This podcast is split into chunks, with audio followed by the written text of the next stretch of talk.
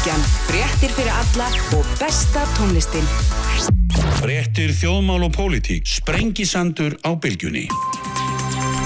Sælilustendur höldum hér af stað sem leiðlikur á Sprengisandunum í dag. Eh, Svanja Þorbergsdóttir, forman BSRB verður hér í lok þáttar Þorstin Vílundsson, Finnbjörn A. Hermansson verða hér einhvern tíun meðleguleitið fjöldum þá stýruvasta hægsnum Sælabankans á nýjustu og, og reyndar mestu sem það umgetur í þessari 13 hækkana lótu. Uh, Sigurður Haldursson sem er fórstur í Pjör North Recycling, allar fjallar hér um ringdrásar hagkerfi á eftir en sæstur í hjá mér Hannes Holmstedt Gísrásson, sætla blessaður Hannes. Ég blessaður og þakka fyrir að bjóða mér. Ég það er nú bara afskaplega lítið og gaman að fá þig og hérna, við vorum að ræða það ég, mér er ótt að titlaði Professor Emeritus, ekki satt? Já, ég er það, Professor Emeritus. Professor Emeritus og það er hérna, þú erst bæðið í sjötur og lesta störfum núna vegna aldurs. En mitt ég gerði það. Já, í háskólanum, hérna, þessum langa ferli, sko, leiðir alltaf vel í háskólanum, þú varst nú ekkit sérstaklega velkomin ef ég mann rétt. Já, minnstu varst ekki á sömum, ef við gjörðum það þannig. Það var nú mjög margir sem fagnuði þegar ég var eh, skipað lektor í háskólanum en 1. júli 1988, það var fáminnarhópur eh, vinstu sinnaður augamanna sem að uh, setti sig illa við það og reyndi svona að gera uppsteitt og háfa það en, en það drónu úr því og ég átti nú bara góðan tíma í háskólanum mm. og, og mér leiðar vel og og ég stundaði rannsóknir og, og, og kjenslu og á, í stóðunum drátti mjög góða minningar þaðan e, og aðra minningar kannski ekki eins góður en þær eru mjög fyndnar margar og ég ætla svona að gera grein fyrir, fyrir þeim setna. Kannski Já. ég skrifið sjálfsæðisögu og segi þar frá svona eins og skoplegum atvöku sem gerðist í háskólanum. Já, akkurat, þarna, en, en svona eins og nefnir þá svona, þá voru, það voru ekki bara örfáir, það voru þó nokkri sem var svona fettu fingur út í skipan á sínum tíma þér þið, og svo er þetta búið en þú ert alltaf, þið líður alltaf vel hann enga síðu, það er ekki svona einhver viðvarandi, hvað maður kalla, ég hef nú ekki nota orðið anduð en svona þú veist þetta, tortrygni, tortrygni, ég orða þar. Mér líður vel, jafnveg einhverjum öðrum kunna líða illa yfir því að mér líður vel. Það er bara ekkert vandamál í mínum huga Nei. og ég segi bara við það fólk, reyniði frekar að setjast niður og vinna að buga á uh, þessari reyði og þessum leiða yfir mér og, sinna mm. einhverju skynsalega heldur en að leggja hattur á Hannes Holmstein. En þú ert maður, þú ert maður sem þrýfst vel í orðarskaki. Ég er ekki endur að vissum það, það getur verið þessi einhver mynd sem fjölmilar vilja draga upp að mér en í raun og veru þrýfst í best sem bara grúskari á, á mm. þjóðabókluðinni. Hittur hann að mála, ég hef ekki látið mitt eftir liggja Nei. og ég hef staðið, það sem er rétt í, í þessari aðkomið þinni er að ég hef eh, mælt fyrir sjónamöðum sem að er ekkit mjög algeng eða viðurkend inn í háskólum. Því háskólar eru aldrei eins allar aðra stopnanir að það fer allt eftir öðrum lögmálum heldur en út í atvinnulífunu þar sem að menn verða til með þess að framleiða vöru sem neytandin vill og þeir verða fjármagna sér sjálfur mm. þetta best alltaf e, frá ríkisjóði til e, háskólamannana og þeir lifa í, í svona dállu e, gróðurhúsa andrúslofti og svo kom ég og ég sagði að aðalatri verði nú að skapa verðmætin og mm. reyna að bú í hæginn fyrir atvinnulífið þannig að það verði nóg til skiptana og þetta er svona hugsun sem að er þeim ekkit mjög náleg mörgum að upp í háskóla. Mm -hmm. Þannig að þetta hefur verið svona til þess að auka úlúðuna við þónum sjálf því að það er líka meina, skoðanir eru þettar og þú kemur inn og byrjar að kenna og verður búin að kenna lengi og þarna svona hvernig umgengstu það þegar þú ert að miðla fróðleik til fólks Ég skal alveg segja hvernig já, ég gerði það. Já. Ég eh, dró aldrei döl á mínar eigin skoðanir en ég reyndi að, að setja fram með sterkar rauksendur gegn þeim og hægt var og hvatti mjög til umræðina. Eh, og það eru oftu eh, mjög fjöruður umræður í tímihámur um allmynda hímis og jarðar, um tekjudreyfingu, um samskipti kynjana, mm. um hversu langt lögjafinn ætti að ganga. Eh, ég sagði nú alltaf lögjafinn á, á kvorki erindi inn í Svetnarbyggið niður inn í fundaherbyggi stjórna í fyrirtækjum. Nei. Hann á að halda sig frá því. Akkurat. En það voru ekki allir þessara skoðunar, sumir eru þeirra skoðunar að lögjafin eigi að skipta sér að mjög mörgu. Þa, það voru í gamla daga og það, eitt dæmi hvernig e, tímandur hafa breyst. Í gamla daga voru með fjörugur umræðin um það hvort þetta lefa fíknefni. Síðust ári sem ég var að kenna stjórnmálahensbyggi e, þá e, virtust allir vera þeirra skoðunar að Milton Friedman hefði eftir rétt fyrir sér í hérna fræga umræðu þætti þegar hann hittið á fyrir Stefán Ólarsson og Óla Ragnar Grímsson þegar hann sagði ef afleðingarnar af því að banna fíknefni eru verri en afleðingarnar af því að leifa fíknefni þá finnst mér að við ættum að leifa þau. Mm.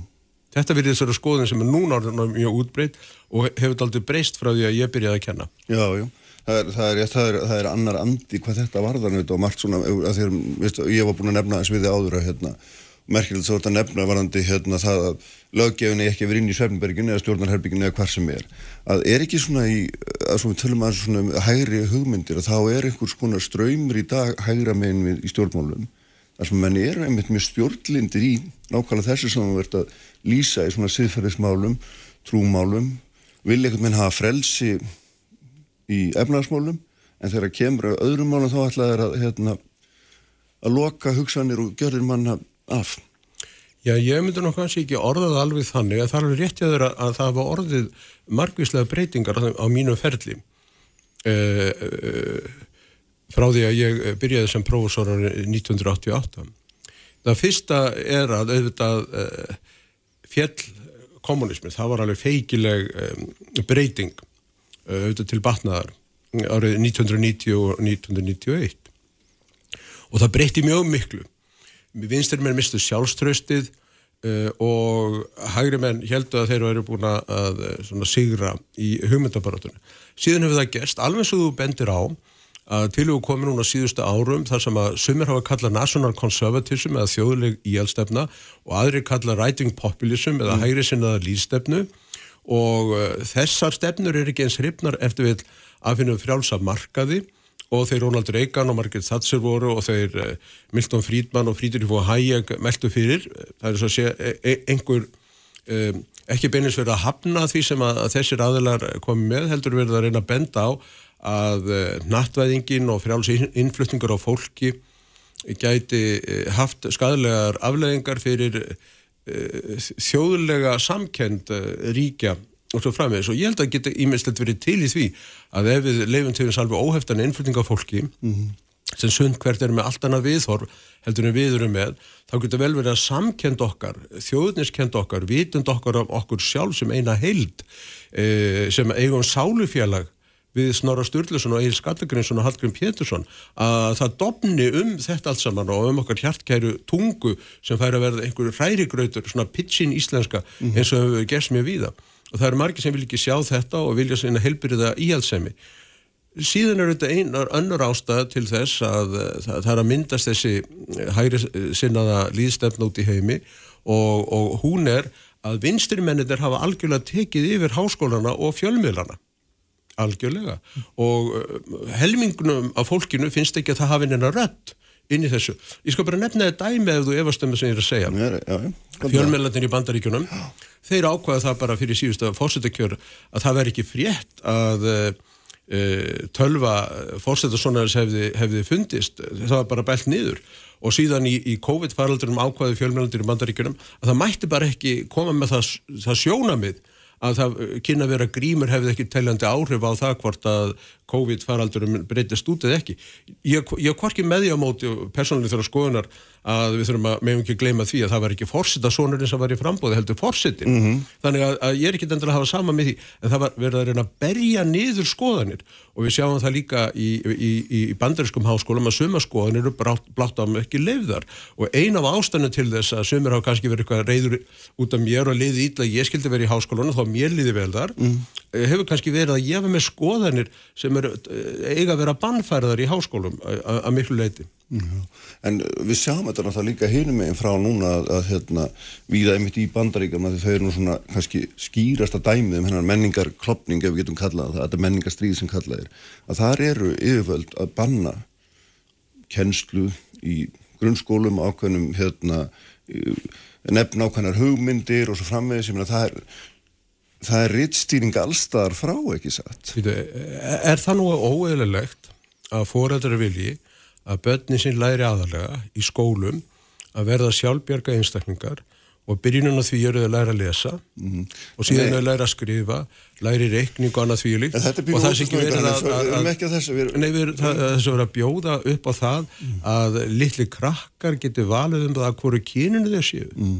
Þa, það er eitthvað undarlegt við það. Eh, þau eiga geta, ef þau hafa fæstinir ángan líka með mínum dómi, að geta skiptum kyn síður æfin en það að vera ábyrg ákverðun og, og það er þetta sem eh, margir uh, fóraldar eru andvíir og þessi stjórnmálvendur eru að gera það er að þeir eru bara að taka við ákalli fjöldan sem þetta, að það sé reynd í skólum að kenna það sem var kallað í gamla daga Guðs ótt á góða síði. Já. Ég man það að ég útskrifast sem stúdent, þá fekk ég eh, verðlaun fyrir það sem kallað var yðni, síðpríði og góðar framfarir. Það fengur þeir sem höfðu kannski uh, gengið best. Mm. Á ekki að verðlauna þetta? Er ekki skólar til þess? Já, þetta þarf nú ekki að vera anstæðan eins annars, er það? Uh, já, það þarf að vera anstæði þess að þú getur við þú getur þessu uh, valið um kyn og, og þá getur þú, ef þú er karlmaður þá getur þú bara að fara að stunda kvennýþróttir og, og sigra það því þú ert meðlega sterkari. Það er eitthvað óeðlilegt við þetta mm. að mínu dómi. Já, já.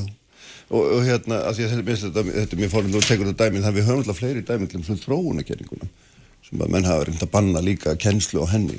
Ég held nú að enginn hérna, reynir það í neittni alveru. Það eru alltaf til einhverju sérstakir aðeila sem reyna það. Þróunakenning Darvins mm. er alveg einstaklega áhugaverð kenning og það sem er áhugaverðast við hana er að niðurstaðan er ósjálfráð. Það er enginn sem lagði á ráðinum niðurstöðuna. við sjáum, þetta var nú í hinsbyggina rætt, daldið uh, með líkingunum um úrið. Uh, hugsunum var þó svo að við rekumst á úr sem er alveg geysilega fullkomlega smíðað og þá er það nota sem sé til úrsmiður en það kemur að ljós að það þarf ekki að vera til neitt úrsmiður heldur getur vel verið að þetta sem er svona óskaplega haglega gert hafi bara smamsam norði til við náttúruval mm. og þetta er auðvitað alveg heitlandi hugmynd og hún er heitlandi hugmynd í félagsvísnum líka uh, í öðru að, að halda ekki að alla niðurstöður, góður eða slæmar síðu vegna að einhver hafi mm, gert að ætlunarverki sínu. Karl Popp er einn af mínu meisturum í, í, í, í félagsvísindum. Hann sagði að það verður hlutverk félagsvísindara að skýra niðurstöður sem að enginn lagði á ráðinum og urðu bara til mm -hmm. í samleik margra þáttar. Og ég held einmitt, svo ég halda þess áfram mjög má, að, og ég gerir alltaf grein fyrir því nýri bók sem ég skrifaði um landstónsmálið, mm.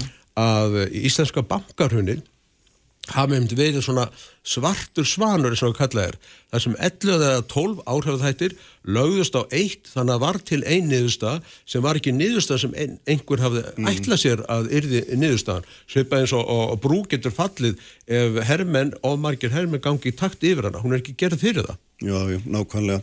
En sko þessi, hérna, sko, er þetta samt ekki svona þessi, þessi hugsunagangur, þessi, þessi svona þjóðverðnis hérna, íhaldsemi og þessi anduð á markanum finnst þér þetta að vera samræmalegt við það að trúa á frelsi? Það er það sem ég áhuga að þess að fá allir að tala um þú hefur verið báðberi frelsis á öllum sviðum. Og spurningin er alltaf þessi getur maður að vali sér svið í samfélaginu og verið frelsis sinna á og sagt um önnur já nei hér gengur ekki upp að vera hérna, aðhellast frelsi. Ég var að tala að vera á þeirra í Ríkistofn úr sjálfstæðilónum sem að fannst þetta hérna nákvæmlega vera hérna andstæður. Þetta væri ekki hægt. Ég, ég, hef nú, ég hef nú veldur sem ekki fyrir mér og reynar hef ég farað á ráðstöfnur uh, þjóðlegar íhalsmanna þar sem ég hef rættið þá hef ég verið valinn sem fulltrúi hins frálsamarkað til að mæla með honum við þetta fólk og ég hef sagt við það taktu fjölskylduna fjölskylduna er eitt af þeim gildum sem við viljum standa vörðum og við viljum beita ríkisvaldunum til að vernda uh, fjölskylduna. Uh, ég er þar sko að ríkið eða ekki vera hlutlust mm. um lífsætti þá að, að halda fram ákveðin lífsættin sem eru til þess vanlegir að verði fríður og farsaldi í þjóðfélagi. En uh, fyrstu einstaklingarnir í, í sögunni voru þau Rómi og, og Júlia sem stegu út úr fjölskyldu sínu, Montagu og Capulet og ákvaðu að eigast Uh, og, og, og þar kemur einstakleikjan vestræna til sögunar þar sem þú ert ekki bara skilgrendur af ættarmeiðið þínum heldur verður að sjálfstæðum einstaklingi. En ég sagði ef þeim hefði verið um, leiftað eigast mm. þá hefur þau myndað nýja fjölskyldu þannig að gömlu fjölskyldunda sundrast og nýjar fjölskyldur myndast og það er það sem kapitalismi gerir það er alveg rétt sem margir í alls með segjum kapitalismann og frjálsar markað mm og nattvæðinguna að það sundrar ímsum gömlum heildum já. Uh, vegna þess að alls konar hlutir hætti að verða hagkvæmir og fólk flikist á staði þar sem að uh, háuru laun og svo framvist þetta sundrar gömlum heildum en það myndar nýja, uh, nýjar heildi líka. Og ég ætla bara að fara með þér í ferð í huganum um götur New York borgar sem að virðist nú vera eina óárennilegust borgi heimi og þá heyrur kannski frá kellaridýrunum og óm af tónlist og þar inni er verið að syngja írsk þjóðlugu í, í svona írskum klúpi og svo gengur annar staðar og þar eru, er, eru pólsk uh, þjóðlug og svo fyrir í Wall Street og það er alveg sérstakt samfélag þar með alveg sérstakt hvernig þú klæðir þig og svo framvegist þannig að öll borgin, mm. öll borgin er full af litlum sjálfsbrotnum heildum sem við velja sjálfur. Þess er aðaladriðið í sambandi við hefður og venjur að það getur orðið til við, við, við sjálfsbrotna þróun, ekki við valdbóðna þró, þróun, ekki við að læsa okkur inni í einhverjum heildum sem eru gamaldags, heldur leifa þessa þróun. Mm. Og, og það er það sem íhalsmerið að gera. Þeir eru að leifa slíka fyrir alls að þróun að því þeir verða að halda í vesturanna menningu. Og ég get sagt eitthvað mér finnst núna. Kontu aftur tilbaka hugtekunum frelsi og það hvort þú getur valið er hérna, það á vissum sviðum og, og, og, sle, og hérna, slefti öðrum. Aftur. Já, ég skal, þeim, nú skal ég svara þér einu. Að ég sita þarna í mat með eh, nokkrum ungum íhalsmönnum eh, spænskum. Og þeir spurðu mig, hvað finnst þú um hjónabönd samkynnegra? Mm. Því þeir voru svona ef að senda mennu það. Ég sagði, íhalsmenn ætti að vera hlindir hjónaböndu samkynnegra vegna þess að þá stopnaður fjölskyldur og þá fyrir kannski að drefu kannski úr því lauslæti sem að verður til þess að, að dreifa kynsjúkdómum og, og öðru slíku og menn fara þá að hugsa um framtíðina miklu meira og verða ábyrgi borgarar. Því að fjölskyldan er svona festir menn við skinsanlegt lífverðni mm -hmm. fjölskyldan og eignarétturinn Eh, það er þetta tvent sem er hotsteina á borgarlega stjóðfélags þannig að, að við, við, ríkið á að hlinna að slíku fjölskyldunni, eignaréttunum og eh, tækja fyrir manna til að vinna sig út úr fátækt því að fátæktin er eitt af því mörga sem að grefur undan frels og farsald í þjóðfélaginu. Já, en þannig að niðurstaðan á þessu er það svo að maður getur verið frelsisinni á einu sviði en hafnaði öðru, það, það gengur alveg upp. Jón Þorlagsson skrifaði Hannes, þú ferði svo langa nei, klóka með mér Nei, nei, hann skrifaði rítgjörðum nákvæmlega þetta árið 1926 í heimriðinni þar sem hann sæst vera frjálslindur íhalsmaður því að hann vildi halda í fengið frelsi frá 19. öldinni.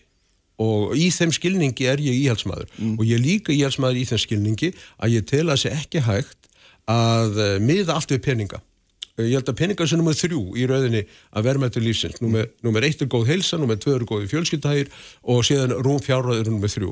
En uh, þeir sem að vilja að gera það nummið eitt, ég held að þessu svona í vissum skilningi sjúkir þeir átt að segja ekki á því mm. að ágindin er ein af uh, erðasindunum en er ekki ágindin stór? Íhalsemi mm -hmm. og frjálslindi geta mjög vel farið, farið saman. Mm, En er ekki ágindin einn af stóru þáttum kapitalismas? Ágindin nú einn af stóru þáttum manniðlisins Já, já, já. Þú ert að fá til því núna eftir eh, forman BSRB og hvað er hún að krefjast? Hún er að krefjast hærri launa jú, jú. og þú ert alltaf að krefjast hærri launa og hverju tel ég að vera hér þessum stað Þess vegna ég ætla að koma, ætla að koma einu í sambandi. Já.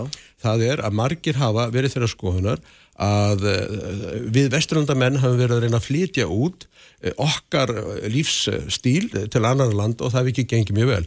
Og, og, og ég held að það sé rétt og ég held að það sé ránt. Ég held að það sé rétt að því liti til að við getum flytt út kapitalismann vegna þess að ágindin er samanlegt eðli. Mm. En það er erfiðra fyrir okkur að flytja út líðræðið því líðræðið býr við hefðir sem myndast á mörgum mannsöldrum þannig að það gengur mjög illa fyrir okkur að koma á uh, líðræði með valdbóði frá bandaríkjunum eða sterkum þjóðum vestrænum en það gengur ekki illa fyrir okkur að koma á kapitalisma þar sem að það hefur ekki uh, En getur kapitalismi virka án líðræðis?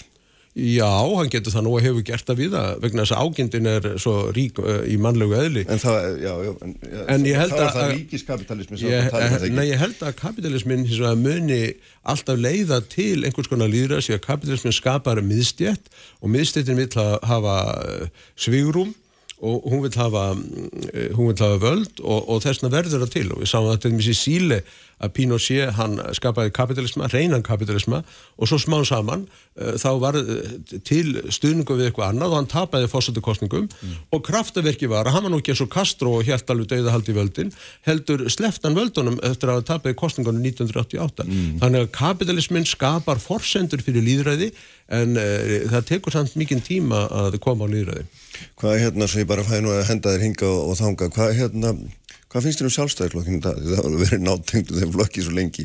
Hvað finnst þér um í dag? Það svona 20% ekstra, kannski rétt rúmlega. Er það, það viðjönandi? Nei, Hvað finnst þér?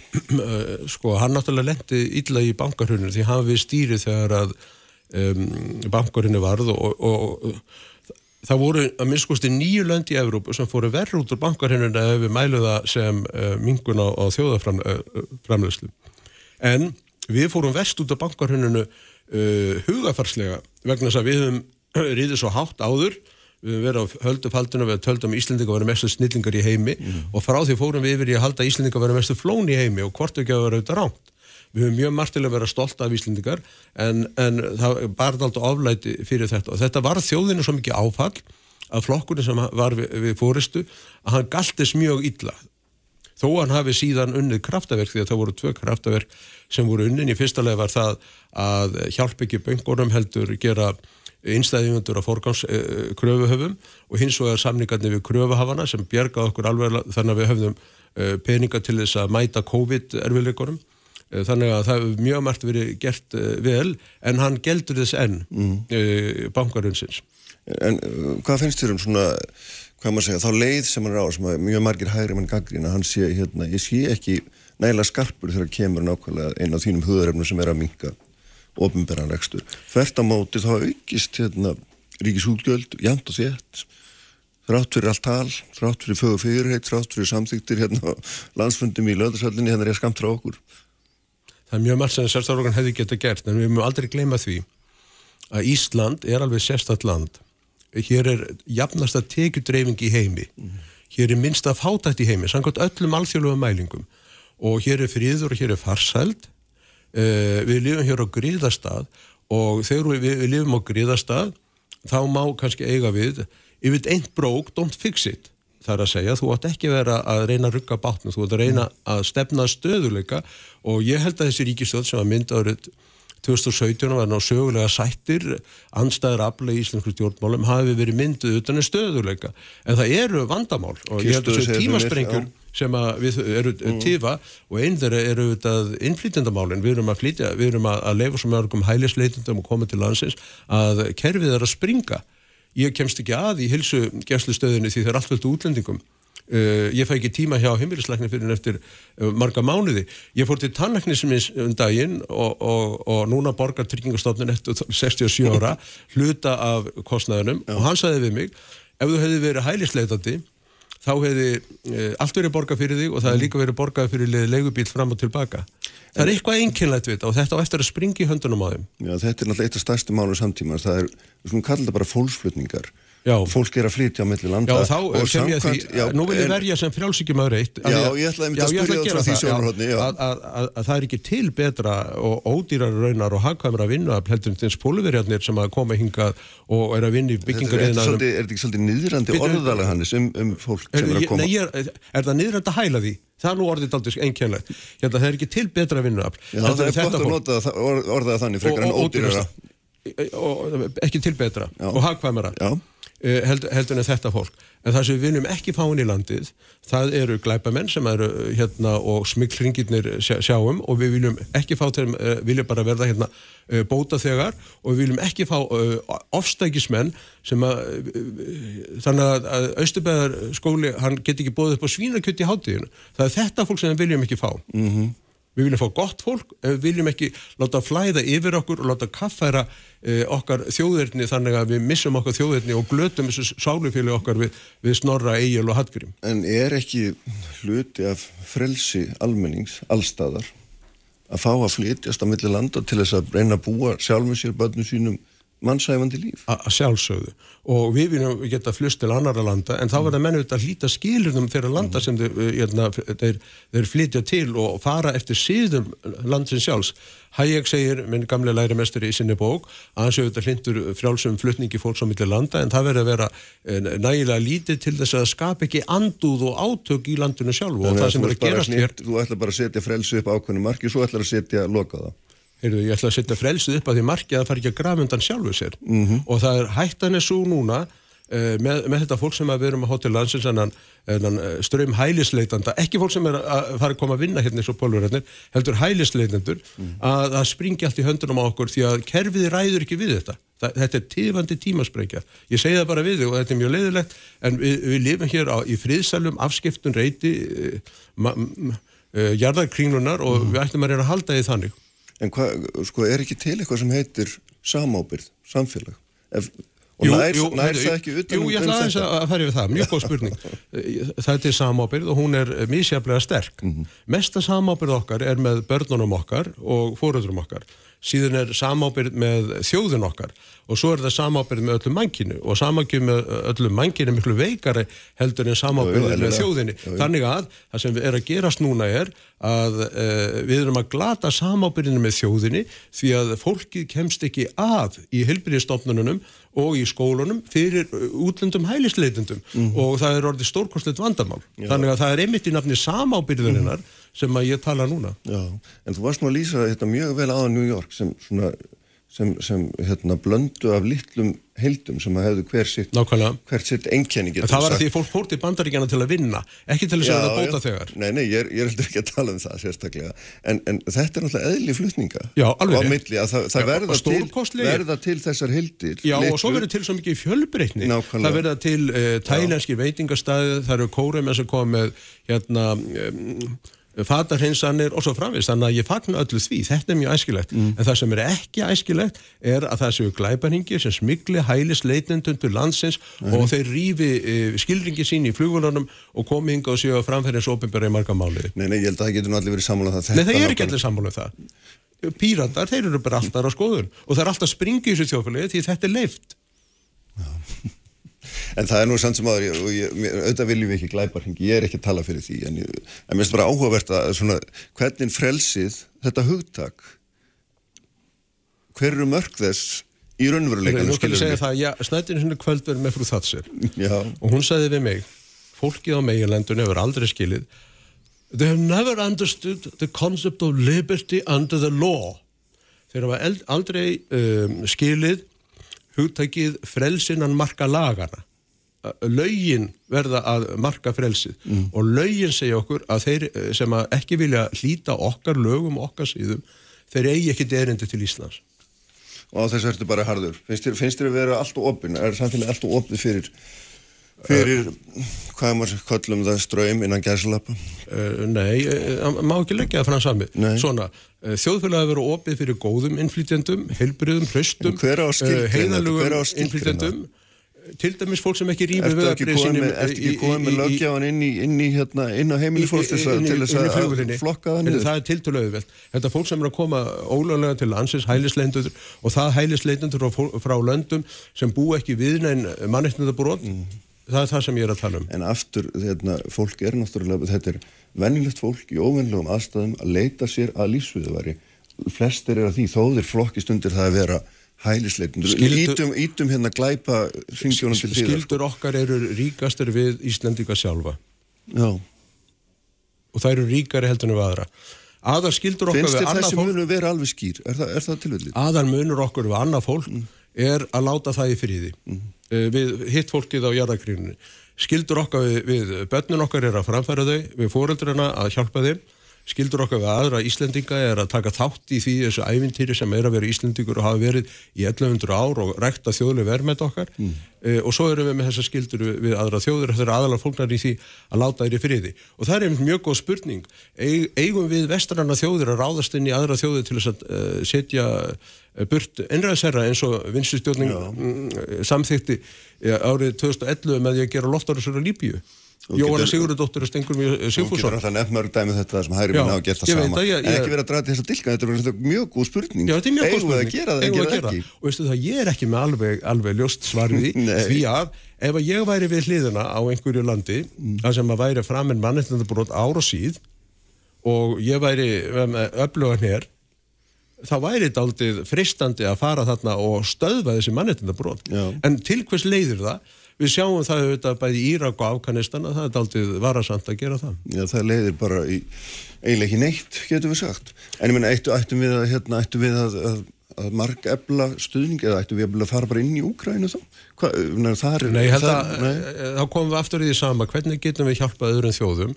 Ég held að við getum hjálpað öðrum þjóðum með fyrir ásir verslun, með því að mynda marka fyrir þeirra vör og þjónustu og eh, með því að, eh, með því að uh, setja skilurðum kapitalismann. Þetta var það sem Marshall aðstóðan gekk út á hjá bandaríkjamanum eftir stríðið að þeir veittu Evrópu aðstóð við uppbygginguna en þess auðvitað er það að vera aðstóð með enga framtækinu og þetta tengist því sem ég sagði við áðan síðan að kaupa vöru þjónustabandarísku fyrirtæki mikið að kapitalismin mm. hann er útlendingssvara við getum látið hann koma til alls heimsins því að hann uh, býr um sig í því sem er sterkast hjá öllum sem er ágindin en uh, líðræðið er ekki útlendisvara. Líðræðið verður að spretta inni hjá fólkinu sjálfu. Mm. Hvað segir okkur þessi skoðan um framtíð Rúslands, Kína og þessara þjóða? Ég meina, er... Uh, þetta segir okkur að við verðum að vera í senn uh, svart sín og uh, bjart sín. Við þurfum að hafa nægilega öfluga varni til þess að þessar tvær þjóði get ekki ógna okkur. Rómveri hennar fórnu þess að vopnin verja fríðinn og uh, ég held að vopnin séu eina tungumáli sem þeir Putin og Xi skilji mm. finnst þér svona, það, svona þegar við erum að tala um hvort við ættum að reyna að, að fara inn í önnu ríki sem átt við séu verið gert og hérna uh, þess vegna líka svona freistund að hugsa hvort að hvort að mann eigi að verja Vesturlund eins og sagt er með því að verja Úkrænu að miklu meiri krafti heldur en gert er hvort mann eigi að draga aftur einhverja svona kaldastríslínu, við getum kallað það svona afmörkunar línu milli östurs og vestur. Stríðið um Úkrænu er stríð um Vesturland núna er Pútín að reyna fyrir sér. Hann, hann byrjaði því að fara inn í Georgi árið 2008, svo fór hann aftur inn í Úkrænu 2014 og ekkert gerðist og núna held hann að hann geti haldið áfram að leggja sig héruð og Xi býður til þess að geta leggt undir sig Tævan og gallin er sá að þeir stopp ekki þó að leggjum þessi Tævan og Úkrænu þeir halda áfram vegna þess að bara vestran menning og vestran frelsi verður þeim alltaf ógnun mm. því að miðstættin sem verða til í þessum löndum þessi heyrðu við viljum sama frelsi og er á vesturlundu sem er fjölbreytnina fá að veljum vöru, fá að rífa kæft fá að segja stjórnvöldunum að fara til anskotas þetta er mm. það frelsi sem við viljum hafa og við verðum alltaf síningaklukki fyrir frelsið og þeir vilja múra upp í hennar síningaklukka mm. Herri, þetta er orðið hérna, þetta er orðið góður hlæmur í hókur. Já, þakka þér fyrir. Og við að farið yfir. Hérna, bestu þakki fyrir að koma Hannes og hérna, ég veit að þú ert ekki sestur í Helgan Stein því að nú eitt af þínum engin og þú ert lúsiðin maður og skrifar ótrúlega, hérna, hvað ertu búin að gefa út marga bækur? Þau eru tölðað þeim? Mm, í kringu 20. Já. Herri, bestu þakki fyrir að koma. Já, þakka þér. Og uh, Sigurður Haldursson verður hér hjá mér og eftir þá ætlum við að fjalla um ringrásarhagkerfi. Sprengisandur, alla sunnudaga á bylgjunni. Ertu vissum að þú sért? Kraftmikil umræða, alla sunnudagsmórna. Sprengisandur á bylgjunni. Sælir aftur, hlustendur, Hannes Holmstedt Gísurarsson, professor emeritus, farin frá mér eftir fjörlegt, fjörlega yfirferðum eitt og annað, getur við sagt, naðalega þó svona frelsishúttekið og hvernig hérna hvernig það rýma við veruleikan og svo má segja.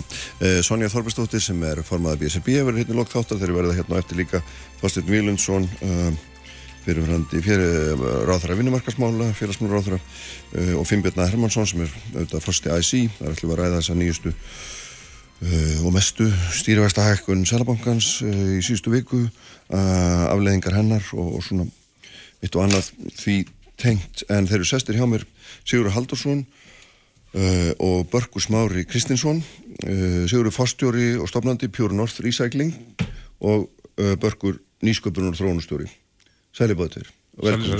Takk fyrir komuna. Og, Takk fyrir bóðið Takk fyrir komuna Takk miklu frekar. Hérna, þið, hérna svo maður greina þess að því að hérna, þið, þið böðum mér heimsó í fyrirtæki eitthvað til þess að sína mér hvað er að gera og hérna og svo ákvæði ég að hérna, fá ykkur til þess að koma hinga og tala um það líka vegna þess að auðvitað er það þannig að við í samtíman þá tölum við mikið um þessa um hérna, endurvinnslu, endurnýtingu úrgangsstjórnun, ringrásarhagkerfi og allt þetta. Og ég held svona að kannski viti ekki allir nákvæmlega fyrir hvað þessi hugtök standa alls saman. Og þarna og sérstaklega svona kannski líka menn tala mikið um nýtt sem er ringrásarhagkerfis en við erum auðvitað langt frá því að vera komin einhver staðar þessu ekki? Jú, það er réttjáður, þetta er jæna, hérna mikið tísku orð, ringrása hagkerfið. En, en eh, til þess að við getum verið virkilega góðu þáttandur í ringrása hagkerfið þá þurfum við að byggja upp þá innviði sem til þarf til þess að koma ringrásunni á stað. Og við höfum oft talað um að endur vinsla á ráfnum, sérst að taka afsett ráfni og búa til ráfnúrið sem þetta nýta aftur, mm. er millist ekkið í ringrása hagkerfinu og það farið með takmörkur innvið uppbygging fram í, í þessum sagt, málaflið. Í rauninni bara ein endurvisla reikin á Íslandi sem að tekur uh, plast og það er hjá Pure North og, Já, og, og býr til þar eru þið á Suðlandinu. Já, Já. og búin til í rauninni aðverð sem hættir að nýta aftur í, í plastframlæslu. Mhm. Þannig að þetta er svona líkillir sem að okkur hefur svona, uh, fundist vanta í þessa umræðu. Hvernig ætlum við að koma þessar ringar á sá? Það er eitt að tala um það og svo annað að framkama. Þannig að þegar, að- þegar að hérna, stjórnmálumennir, sveitastjórnina tala um ringrásar hagkerfi og hérna, nota það í kostningaslegar þá er það kannski ekki jafn innihaldsríkt og margir halda. Nei, en, en, en það var nú samt að kannski að nefna að nú er nýtekin við lög sem er kent við ringrása hagkerfi mm. breytingar á lögum meðallin úrgangs og, og, og, og, fleiri laga sem eiga svona svolítið að ná utanum og búa til þessa, þessa kvata sem við þurfum til þess að íta fyrirtækjum, íbúum og bara markanum á, á, á þessa vegferð. En ef eins og Sigur segir, við erum samt ennþá svolítið skamt á veg komin. Við erum, við erum að rekka hérna einu plastendurvinnslu landsins og við erum að endurvinna 1500 tonn af, af plasti á ári. En það eru 40.000 tonn af plasti í umferð á Íslandi, þannig að þú sér það við erum að bara endurvinna brota brot ennþá af því plasti sem er í umferð við ætlum að ná í alvörinu utanum allt þetta mm. við ætlum að tryggja að sími við eftir að síma plasti og svona, svo ég nefni það mm. ráftæki eftir ráftæki plastbóki eftir plastbóka þetta, eru, þetta er meirin að segja og, og, og ég held að við séum svona kannski ekki ennþá komið nægilega að skýra sína hvernig við ætlum að ná, ná þessu Mhm. og, og þá er ég bara að tala um plasti svo er náttúrulega all, all hinn ráðinu eftir sko. Akkurat. En þessi, þessi plastendurvinnsla sem að þið rekið, við byrjum bara aðeins þar og hún er svolítið grunnurinn að eitthvað starfsem ekki satt og hérna þar eru þið búin að koma í þannig fyrir að þið getið tekið plast, unnið það og selta aftur að það ekki Já. og greitt líka þeim sem kemur um plastið Já. fyrir sinn hlut, er, er, ef ég skildar rétt. Já, þetta er svona kannski, ef við bara segjum sögu Pure North í stuttumáli og hvað þetta var þar, að það er svona uh, eins og við sem ringrásinni skýrustu mynd. Þegar við hófum störf 2016, að þá þurftu bændur jáfnvel að borga fyrir að fá að henda rúluplastinu sínu og til að gera langarsögu stutta þá hefur okkur tekist að endurvinna þetta plast með mun umhverjusvegna hætti heldur en öðru þjóðum hefur tekist og við rekum í dag ekki bara einu endurvinnslu á landinu heldur umhverjusvegnastu endurvinnslu á heimsísu. -hmm. Það er 82% læra kóluninspóra hvert tonn sem við framlegum verð sambarlega framlegslu í Európu. Uh, þetta hefur gert það að verkum, við erum að búa til mjög verðmæta vöru og hún er vinsæl og enda veru framlegendur vilja fá okkar plast inn verðan þess að það er umhverjusverna heldur en annar plast sem því það við höfum náða fá til dælu gott verð fyrir það þannig að við höfum náða að snúa þessari ringrásvið og núna lokafasin hjá okkur var að framlega núna girðingastöra í samstarfið Íslands fyrirtæki sem þetta er set á, á Sælfósi uh, þar sem við erum að loka ringrásinni innan sömu stjættar sem er, sem er einstakt Þannig að úr plastinu sem að þið endurvinnið frá bændum Já. búið til girðingastöra Já. fyrir bændur Já, já, já. og þetta því það líka að núna eru við að borga bændum fyrir að koma með velflokkað plast til okkar þannig að ringra, þessast virðiskjæðan er komin allavega niður til bóndans þannig að hann er farin að hugsa betur um plastið, skilaði til okkar við náðum þá að búa til gæðafur úr því sem að bændur geta svo nýtt aftur til þess að geða landrið. Þetta er ringrás einn skýristu myndið svo uh, hérna, við viljum og lögin er að ætlast, eða sérst gera ráð fyrir að við komum upp. En er það skilir, eða skilir það nú ekki rétt orðið, er það, er það þann sem að flokkar og hérna kemur með úrgangi sín? Já. Ke- Mun þetta aldrei ganga upp að öðrum kostuði? þetta, við munum alltaf vera með fólki sem bara er mjög meðvitað og finnst að vera svona sín síðferðislega skilda að flokka vel og ganga vel um það sem það, það, sem það, það, sem það lætur frá sér en uh, hversu stór hlutvall af heildinni það verður uh, ég held að það verði aldrei nema já, einhverju 20% að hámarki án þess að það komi síðan til einhver, einhver fjárarslegu kvati, menn við sjáum þetta alltaf við erum bara, við erum bara mannleg. Mm. þannig að við leitust eftir því að, að fá sem mest fyrir hlutina eða borga sem minnst. Það er bara okkar, í okkar eðli. Og við sjáum það bara með, með skilakvatakerfið á, á góðstyrkju umbúðunum það sem við hérna við, borgum, við borgum fyrir sagt, þetta skiligand þegar við kaupum dósina en svo söpnum við þessu saman og við bara hópumst út á endurvinnslustöðvar og í endurvinnsluna til þess að skila og fá peningi tilbaka. Já, já. og ef, og ef ég nenni ekki að þá er einhver annar sem gerir það mm. þannig að við sjáum ekki lengur dósir og flöskur út um, út um hérna, alla grundir Nei, nei. Og það er kannski þessu sem við höfum aðeins verið að svona kritisera þetta núna er að sérst, þessi nýju lögtekingildi, ringarsalögin, mm. sem eru frábær og, og vilja stjórnvalda mjög skýr í þeim lögum hvað þeir vilja gera.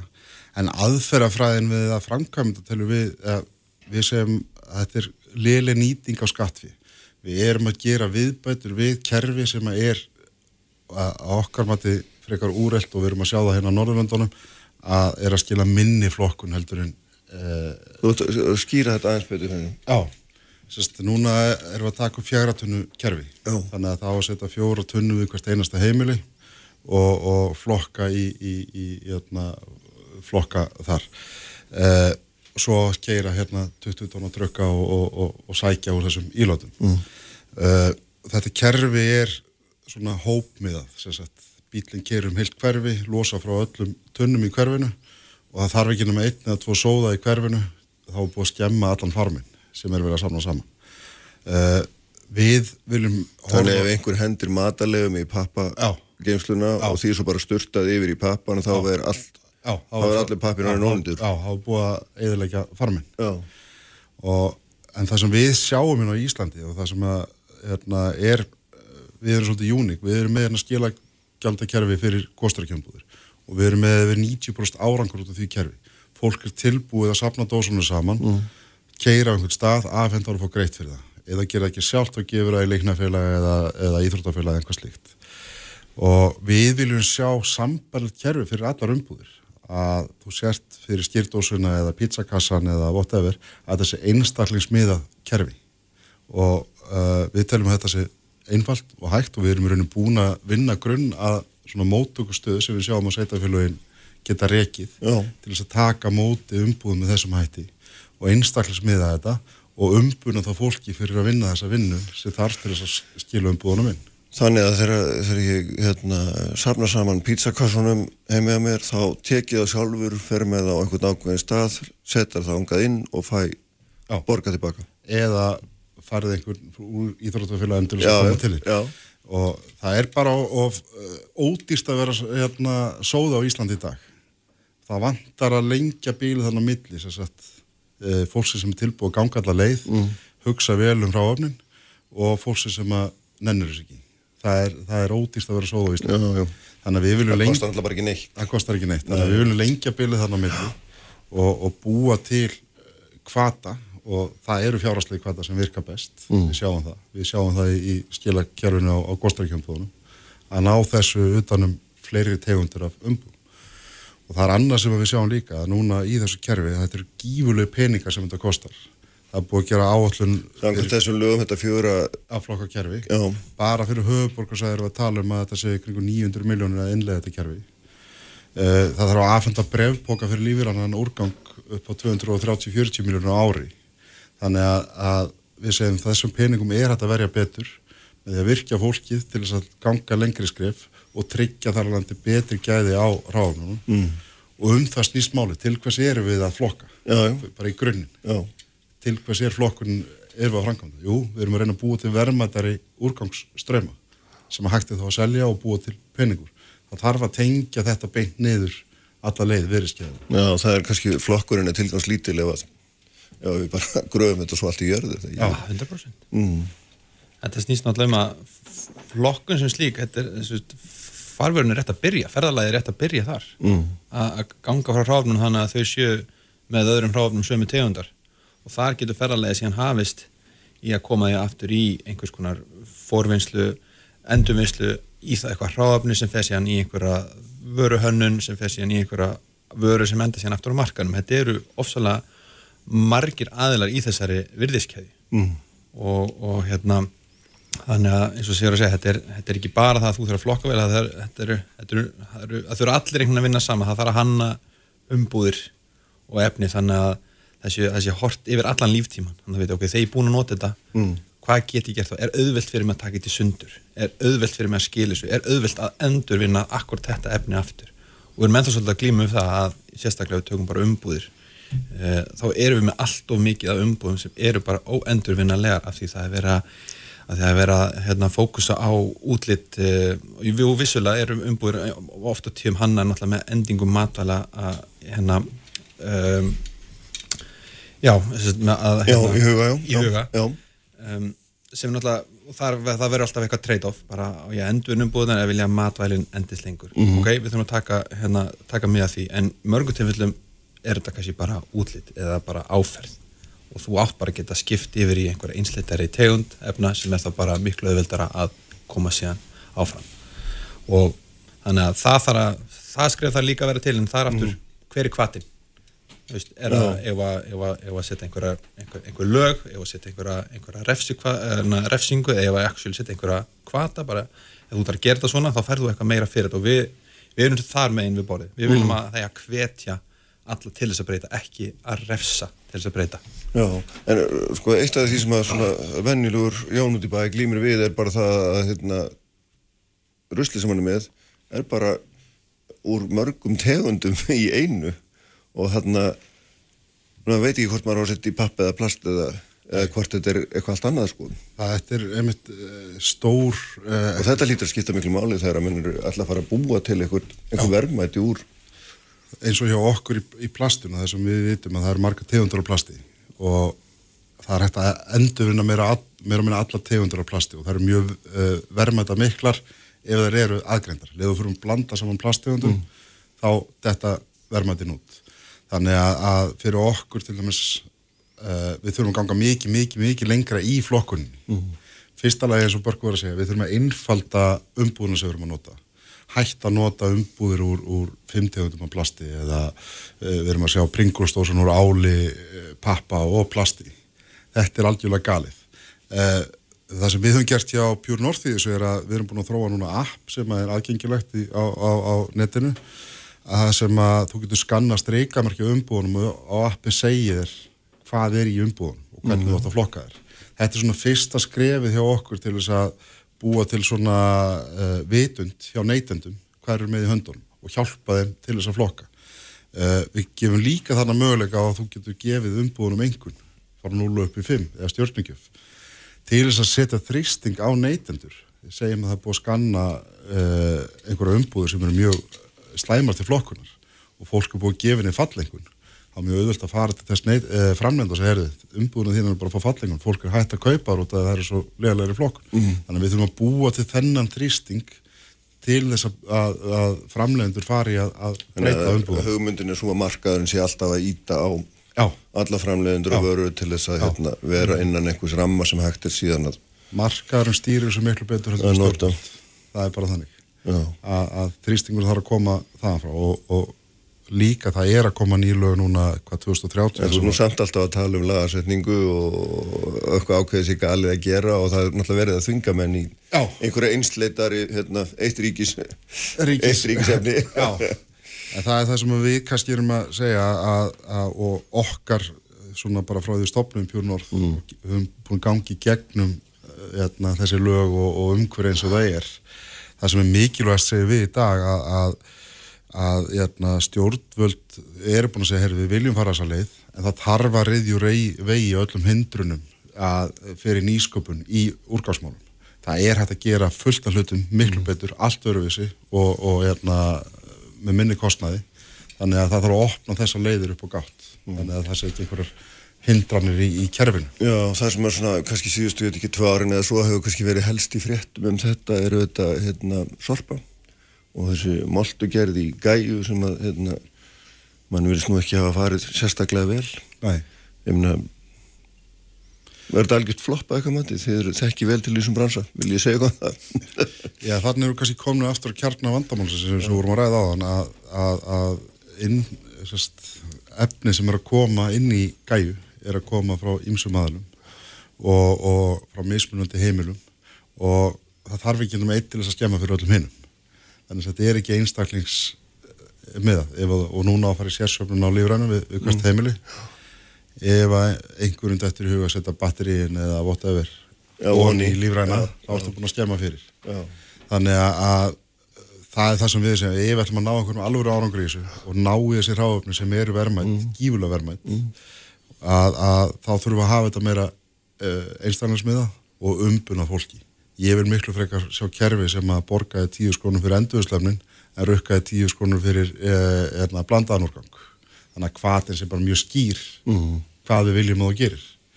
Og ég held við náum ekki þessum árangur sem að uh, okkur er ætlað fyrir að fyrir að stíga meiri skref í þess að nær kerfi eins og við sjáum með, með góðstrakjambúð mm -hmm. og við erum með uh, fyrir framann okkur. Bara uh, verkefni sem hefur náð miklu margangri mm. Og þetta er náttúrulega hérna, segir sér sjálf að þetta er það að endurvinna hráefni er náttúrulega mikilvægt í, ekki bara í skilningi vermaðan heldur þetta líka loslas málunum er það ekki? Jó, við, setjum þetta þessi samhengi sem dæmi hjá okkur. Uh, það fara cirka tíu tónn í, af ólíu sem þú þarf til þess að framlega eitt tónn af plasti auðvitað verða til aðrar afurðir úr þessum tíu tónnum mm. en þú þarf tíu tónn af ólíu til að geta framlega eitt tónn af plasti við erum að endurvinna í Pjúrnór cirka eitt tónn á klukkutíma þannig að þú sérð hvað þetta hefur mikil áhrif mm -hmm. fyrir hvert einasta tónn sem við framlega getum við spara tíu tónn af jarðnæðarstændi sem það þarf ekki að tala upp á jörðinni En þú, þið sagðu að verið, hvað var að endur nýta 1500 tonn á ári eitthvað svolítið uh, versus 40.000 tonn sem var í umferð ef maður það rétt. Þetta er þá alveg gríðarlegur tækjabúnaður og, og mikil starfsemi sem þarf að koma að laginnar. Jú, ekki, ekki spil. Og er það sveitafélagin sem eiga að gera það hvernig hvernig, eða er það fyrirtæki eða hvernig einlega virkar þetta? Eða hvernig já. væri það best að það myndi virka, myndi maður segja?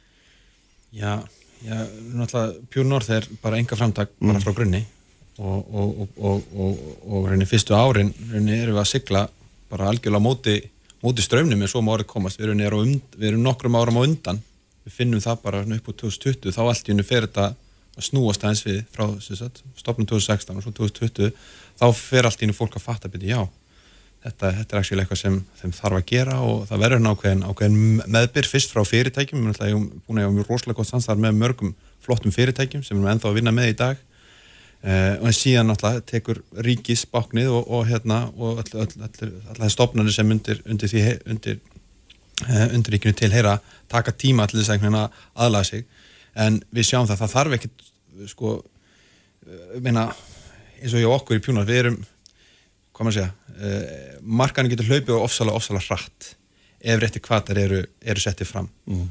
og eins og ég og okkur, meina, þekkingin og endurvinnslu orðin það góð hérna að við gætum fræðilega séð sko, fara að endurvinna nánast allt plast sem er að falla til á landinu uh, bara með bættir flokkun. Þetta snýst um það, en búnaður nú færðlanir eru sem slíka ekkit öðruvísi þóttu sér með plastegund A, B eða C. Við þurfum bara að fá þær reynar þannig að við gætur unni við gætum náðu þessum endurvislu markmönum sem ríkið hefur sett sér á mjög skamum tíma. En bara með kerfun í dag og meira sem með þeim kerf, breytingu sem er að verða þá höldum við að við séum samt ekki ennþá að fara rétt? Í rétt átt, sko. Það, við erum, sko, við erum ekki alveg búin að, við erum búin að setja leikinlinni í skrána, en þetta er ekki alveg samt alveg réttu leikil, sko. Mm. Við hefum að geta verið, eins og ég hef sagt, algjörlega leiðandi í endurvislu hér á landi, ekki, og, og öðrum í rauninni meðallasa orku sem við erum með. Þegar ég stopnaði Pjúr Norsk 2016, þá var hleyjað mér í bransanum, það bara glemtu hugmyndinni, eittu peningur um tími eitthvað annað. Mm. Við erum með frábær fyrirtæki hérna í sem við erum að senda öll endurvislefni til og þú ætti ekki séns á að keppa við þetta mm -hmm. og, og við sjáum nú eh, hérna, hvað árangið það skilaði okkur með fullvöruhús í Svíþjóð og, og, já, já. og senda þetta til Malasi og hvað framtökum þannig að við eigum bara standið lappin og vera ábyrg fyrir þessu sjálf og við erum búin að vera að skoða fleiri lausni við, við getum hérna, syngt í plasti sem fellur til eða rétt flokka þess að börgur segja hjá, hjá Pjórnord Get, Getið búið til vörur úr þessu plasti í félagi við einhvern og, og getur orðið útlendisvara líka? Ja, 100% mm. það er bara, þannig eigum við að horfa á þetta við eigum að nýta, við erum að tala um ringrás, við erum að tala um hérna, verð með tráöfni sem við getum ekki framleitt hér á landi, við erum ekki að framleiða vörtjumplast á Íslandi en við getum framleitt úr því endurunarplasti sem fellur til hérna. Mm. og, og þarna sjáum við mjög mikla möguleika. Og, og hérna, í allskinsvörum sem við getum farið bara búið til útflunnsvöru úr. Mm. og, og aðra flokka eins og til dæmis eh, það er alltaf verið sagt að það sé geta að endur vinna bilgjupapp á Íslandi en það er svo orkufrækt orka sem þarf í bilgjupapp á framleyslu er, er gufa, við hefum nóða af henni mm. þannig að við eigum að fara að hugsa um þetta að byggja upp framlegslu úr þessum hérna ráðum sem að falla til hérna. Hugsa um þetta sem gríðarlega verðmæti sem það Já. er augljóslega ef menn bara kunna með það að fara. Já, þetta er, þetta er mjög flott að fara úr því að verða kostnaður í verðmæti. Já. Leið og menn hugsa um, um, um ráðvöruna sem slíka. Herðu, gaman að fá okkur. Bestu þakki fyrir að hérna, leið okkur í allan sannleika um þetta. Þetta er hérna, feikil áhugavert, ég get alveg fullisa fólk um það. Eh, Börgur og hérna, Sigurður, takk fyrir að koma og þeir verða hérna hjá mér Finnbjörna Hermansson og Þorstein Vílundsson eftir augnablík. Sprengisandur. Alla sunnudaga á bylgjunni. Kraftmikil umræða, alla sunnudasmórna, sprengisandur á bylgjunni.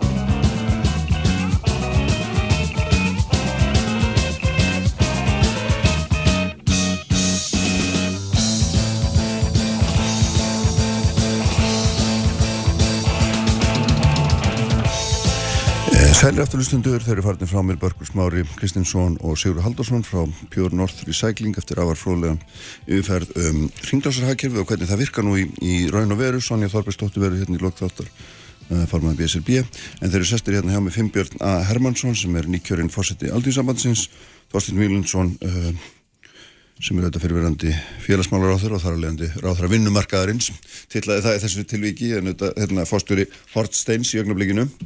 uh, hérna særi báður og velkomin. Uh, fekk ykkur til þess að ræða eins um, um stýrjóðasta hækkun Sælabankans ný, nýjustum uh, 13. hækkunin í röð og þessi var nú dramatísku staðum öllum hvorki meirinn um 1,25% stig. Og hérna margir þykjast að hafa verið gáðaður að setja þetta fyrir en ég hef nú ekki vissum að það sé það er svona tilvellið. En hérna sko um, hvað gerist nú þetta er, hvað aflegginga myndi að hafa þetta heldur bara áfram og það sem verra er, er að spá sælabanka sem næstu tvö ár er í raun og veru orðin miklu svartari heldur en hún var síðast þegar að hérna, ákvörðun var tekin hvað lestu í þetta fimpin? Uh, ég les í þetta að smátt og smátt þá mun bæði heimilinn og, og aðurrekstur svona draga það mikið saman að það verður svona ákveðin kirking í samfélaginu. Uh, við erum búin að segja það núna í nokkuð tíma að uh, þessi aðferð selabankars, hún er ekkit að virka. Hún er farin að næra verðbólguna sem eitt tæki til viðbótar til þess að næra verðbólguna. Þannig að við viljum sjá einhverja aðra aðgerðir og þá sérstaklega fór stjórnvöldum til þess að hérna, stemma stigu við þeirri þróun sem er í gangi núna. Þannig að, hérna, En hvað áttu nákvæmlega við með þegar þú segir það að þetta, til- uh, þú er svo aðrar aðgerðir og, og, þetta sé ekki að virka sko, það sem að er að næra verðbólguna núna, það er að stóru hluta, uh, hún, er, hún er hagnaða drifin verðbólgan núna. Það er mikill hagnaður í fyrirtækjum og fyrirtækjum eru að velta þessu náttúrulega bara í, í hérna út í samfélagið. Það er, fyrirtækin eru ekki að taka á sig eitt eða neitt. Uh, Við gerum kjærasamninga núna í november og uh, við gerum hóflega kjærasamninga á þeim forsendum að fyrirtækin getur tekið þetta alfarið á sig. E, þau eru ekki að gera neitt af þessu. Þau eru að velta öllu yfir, yfir á, á hérna, vellægið þannig að þetta er að koma tvöfalt inn á það. Það er mikil gróska núna í hérna, ferðarþjónustunni og hún er það mikil að, að hérna, við eiginlega getum ekki tekið á móti þessari ferðarþjónustu eins og hún er í dag. Við eigum að stemma stigu við henni, við eigum að setja á komukjöld til dæmis. Það, það er eitt af því sem við getum gert til þess að, til þess að draga niður í þessari, þessari sko segja, umsýslu sem er í samfélaginu. Við þurfum að, við þurfum að minkana, aðeins umsýsluna, það það bara gerast á réttum stöðum.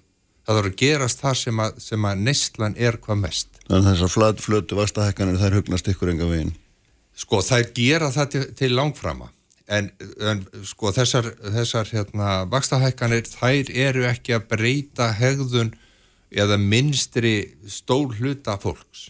Fólk er, er hérna yfir skuldsett og það eina sem gerist er það að það hérna sko annarkot missi fótana eða, eða sko þarf að draga saman seglinn að einhverju öðru leiti og þá bara í nöðþurftum. Þannig að, hérna að einhverju leiti munur að sjálfsögðu hérna, það eru margir sem hafa borð fyrir báru og munur breyta líka.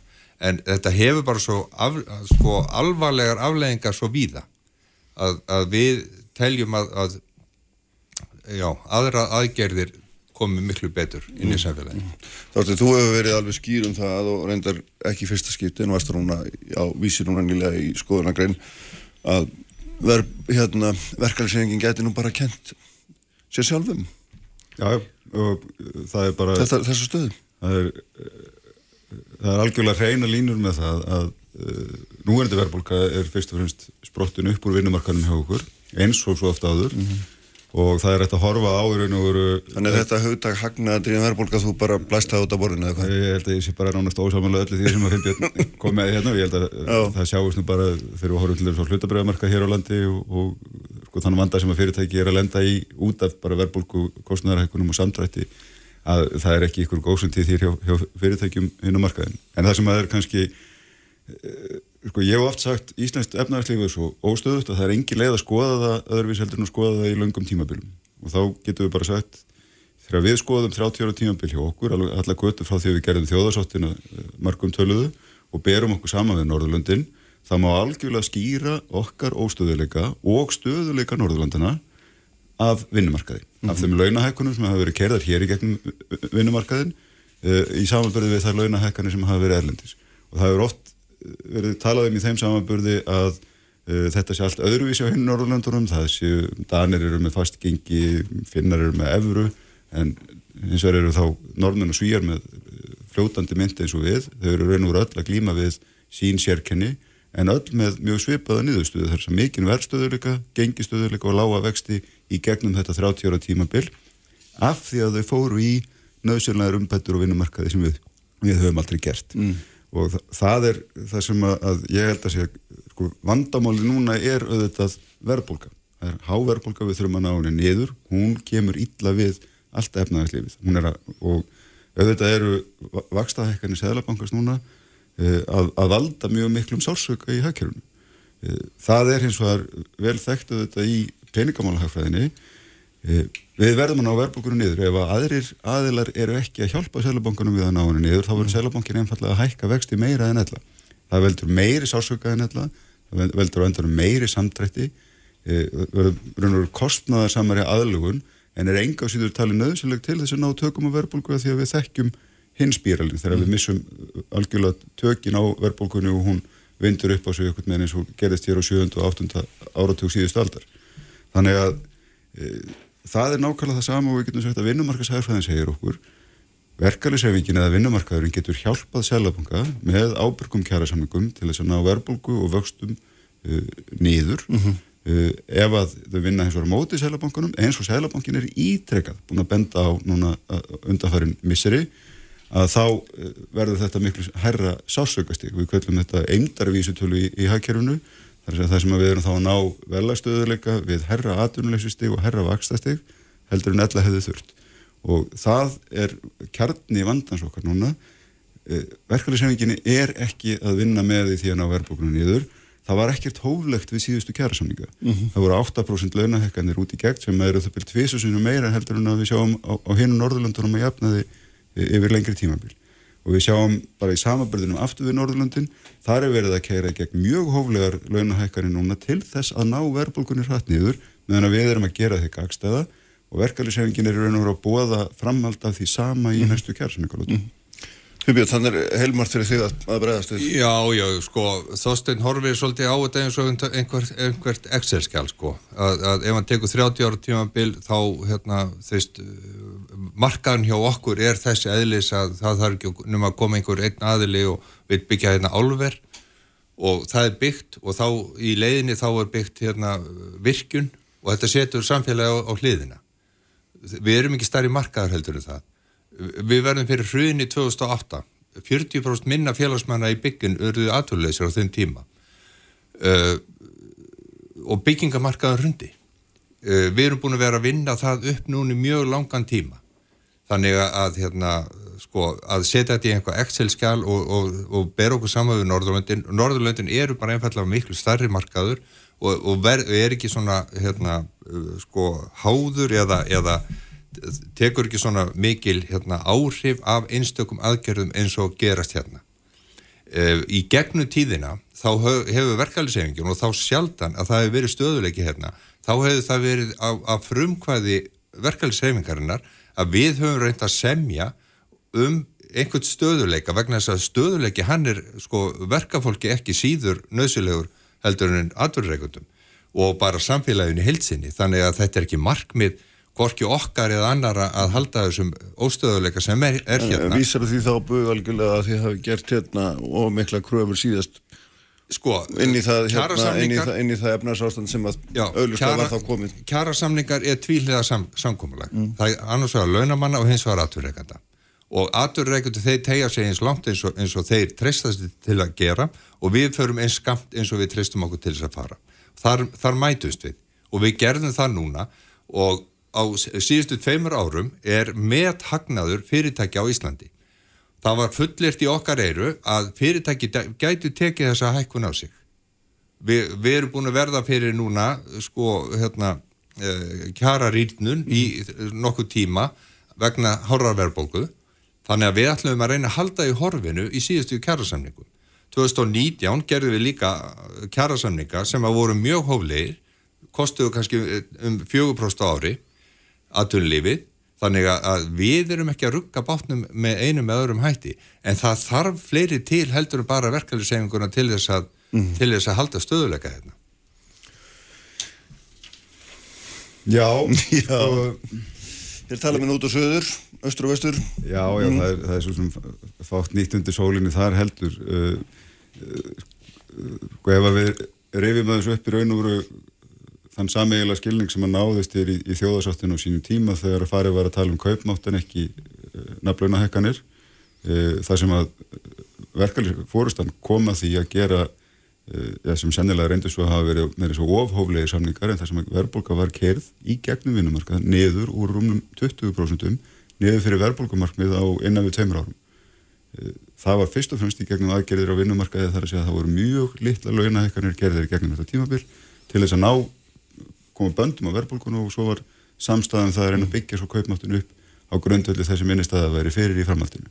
Tókst mjög vel uh, framanna, en svo mistu við einhvern veginn tökin á þessu aftur og uh, það, það nú hérna, engan hérna, nóbasvölun að hafa til þess aftur svo, og því samtali sem er í gangi á vinnumarkaði í dag að það eru orðið miklu meira róf á milli vinnuveitanda og verkefliðsreifingar heldur en að var uh, og náðist þarna í, í þjóðasátt og ég tel miklu meira hættu að við séum að leiðina aftur inn í einhvers konar ástand 7. og 8. áratöðunis heldur en að ná utanum hér einhverja sátt á vinnumarkaði sem mm. geti skilað okkur þeim árangri að við næðum hrættökum að verðbúl. Og þín mynda þessu er það svona svo að, að meðan þess að kittur ganga yfir og, og við náum ekki bólgunni niður að þá mun bara Sælabankin koma aftur og aftur hækka vexti og, og hérna og kremja okkur undir fæti, undir fæti sinum Sælabankin hefur bara hann hefur bara þetta eina tæki. Skildu til þess að ná tökum á verðbólkun og þetta eru tækin sem hann hefur. Og, og Sælabankastjóri er nú bara að segja það mjög skýrt. Ef að aðri aðlar er ekki að vinna með þá hefur Sælabankin en, engin önnur úrraði heldur hann að halvpartin að kirkja hér efnaðarslífið í, í, í vakstahekkunum og, og þeim skorðum sem hann getur sett hér, hér vexti mm. og það mun verða mjög sásökaföld En hann áskilt talaði mjög mikið um þetta einmitt núna síðast að hérna, aðil, frægu aðilar vinnumarkaðins er þetta sína ábyrð.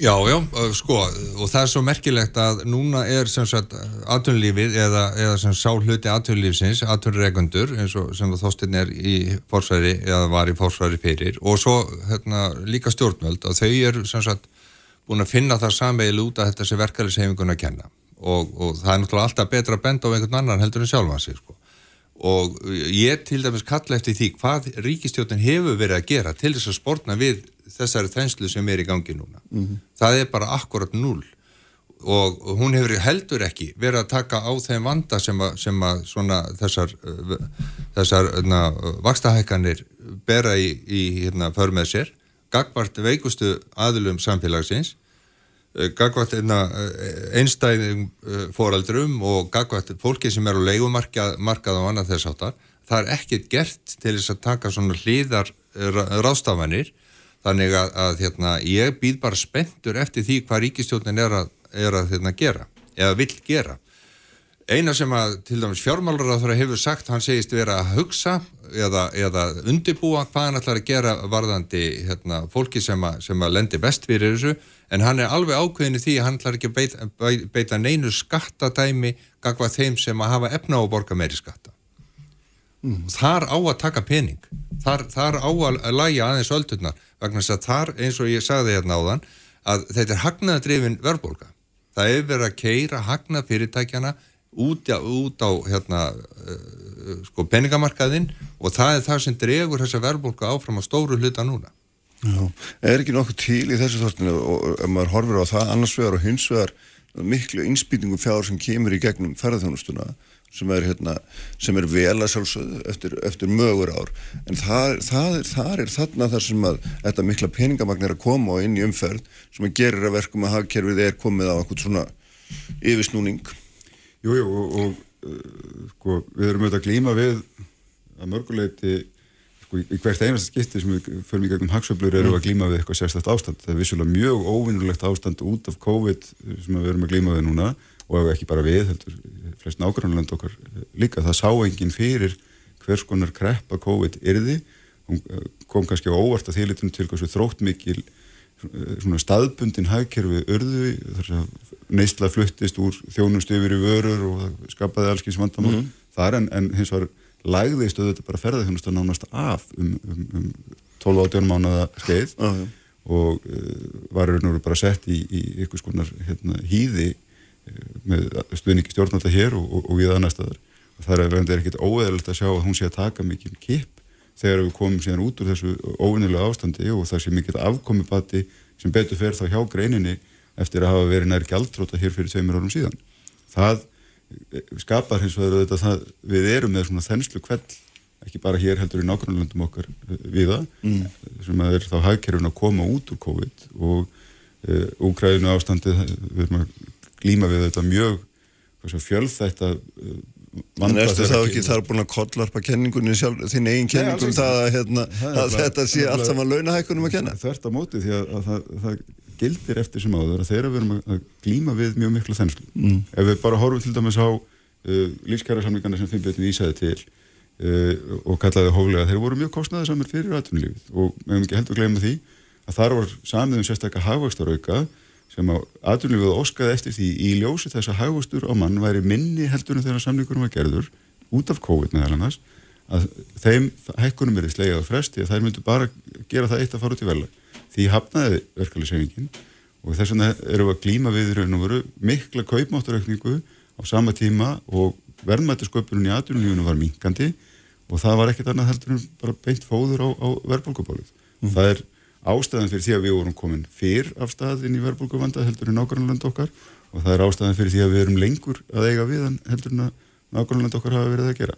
Við erum að sjá miklu skarpari lækkun verðbólku á hinu Norðurlandunum heldur en við erum að sjá hér og þetta er enn og aftur og nú er þetta ekki sko, mér verður oft hugsa til hérna, umræðanar eftir hrun hérna, það sem að, að e, það keftist hver við annan að, að gaggrina akkur var ekki varað sterkar við eða akkur var ekki hlusta á þau varnaðuról sem að höfður uppi. Nú er ég ekki engin hérna, heimsendarspámaður að, að bóða hér einhvers konar annar hrun en ég er að vera missulega glíma við alvarlegan vanda.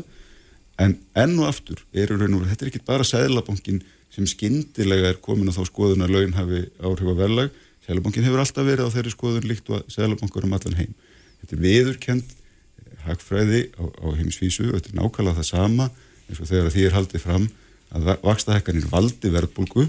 Það er, er enginn sem heldur því fram að vakstahekkanir séu sásökulust tól. Það eru vissulega kostnaðuraukandi á hluta hagkerfisins en því er beinleins ætlað að draga úr fjárfestingum og draga úr krafti hagkerfisins til þess að ná verðbólgunum niður. Og hér sitjum við alltaf litla örþjóður hérna norður í hafi taland eins og við höfum fundið upp eitthvað allt annað efnaðanslegt lögmál heldur en nákvæmlega okkar. Við neytum að vinna eftir söm, með, með sömu vinnubröðum og, og nákvæmlega þjóðunar okkar og förðum okkur svo á því af hverju við náum ekki sama árangur og þau og það er það bara sem ég segi, vandin er heimatilbúin þannig að því við neytum að hlusta á, á aðurunar orð, ekki bara Sæðlabankans, Alþjóðagjaldur í sjóðurinn, OECD og fleiri ítrekkaði bend okkur á þennan sama vanda en við ákveðum alltaf að, að, að hlusta ekki. Mm -hmm. Nei, fyrir Tyrkjöð. Já, sko, það eru þrýr aðilar, ef við getum sagt sem svo, sem eru megin aðilarnir sem, að, sem er að, er að hérna, leika á þessu markaði. Það eru stjórnvöld, það eru, það eru launamenn og það eru atverðreikundur. Og ef allir taka þátt í þessu, mm. þá á þetta að vera hægt að gera þetta. Við vorum að gera þetta núna síðast, uh, eins og ég segi, við, við gerðum samninga sem að, sem að hérna, aðtunlifi taldi sig geta tekið á sig, en það gerði það ekki. Það setti þetta allt út í vellegið, stjórnvöld ætluðu að gera ákveðna hluti sem að þau eru ekki búin að gera. Þannig að, að eini, eini aðilin sem er ábyrgur í þessu er mm. verkefælisefingin mm -hmm. og svo benda báðir aðilar á verkefælisefingin og segja þetta er, þetta er ykkur að kenna. Þetta er náttúrulega bara sko fáránleiki. Þannig að hérna, ef að menn alltaf að hérna, ná niður verðbólgu þá þarf bara einfallega að setjast niður og það þurfa allir að standa við sitt. Mm -hmm. Það er stóra málið. Eitt hérna en við sláum botni þessa umræðu að því þið eru báði kunnáttumenn á um byggingamarkaðin og tengdur honum mjög hérna að því að eitt af stóru málunum er áform ríkistjórnar eða stjórnvalda getum kallað með byggja 35.000 íbúður á næstu tíu árum og nú eru samtöku innan eins búin að spurja sína félagsmenn sem að segja allir að þeir séu á leiðin í samdrátt því að það sé hérna sé orðum mín ómikið kostnæður og, og svona það er, það er svona þetta er ástand sem að veldur svona hverju ákveðinu óvísum um hvernig, hvernig þetta þróast allt saman við erum að keira upp vexti uh, hérna, til þess að kirkja hagkerfið þess að sagt er, en um leið erum við með þessu ofsalugu áform sem að ég hef ekki séð neitt bakka út úr en þá allavega Minna, hvernig er, er staðan á þessum, þessum markaði núna, hún er, er það ekki orðin bara mjög flókin. Já, hún er náttúrulega, það er eins og þú segir, það er bara einfallega að draga saman og staðan fyrir að við ætlum að byggja 35 stípuður í ára þá verður þetta einhverju 15-1600 og, og það er að færri jafnvel. Þannig að þetta eigur bara á vandan hjá mm. okkur. Sko íbúðamarkaðun er bara þess eðlis að við getum ekkit fresta á hann það er bara hérna komið stór hópur fólks sem að vandar í íbúðarhúsnaði við erum að fara sko yfir í þröngbíli ef við getum sagt sem svo sem, að, sem hefur ekki gæst sko í ára tíi að fólk sem er að stækka sem er, sem er að stækka sína fjölskyldur sem er bara náttúrulegt og, og það getur ekki stækka við sig húsnæði. Þannig að hérna, við erum bara búa til stóran vanda og auk þess að innan þess að 35.000 íbúður á næstu tíu árum að, að hérna, aðfluttir umfram brottflutta eru að verða fleiri já, þannig að við erum bara auka vandan ef eitthvað er eða vandin er starri ef eitthvað er já. Hvernig sér þú þetta þá? Þetta er hérna mm. og þetta er stærsta vandamál byggingamarkaðar er efnaðarslegu róstöðuleiki þetta er þetta, sko, fjárfesting í, í fastegn er einn stærsta kaup ákvörðun hérna, hvers einstaklings yfir, yfir æfiskeiði sitt fólk auðvitað fresta slíkum áfrumum mjög hratt ef að það er rætt við ástandið sem framöndan er nema það bara nöðsilega þurfi að stíga þessi skrif mm.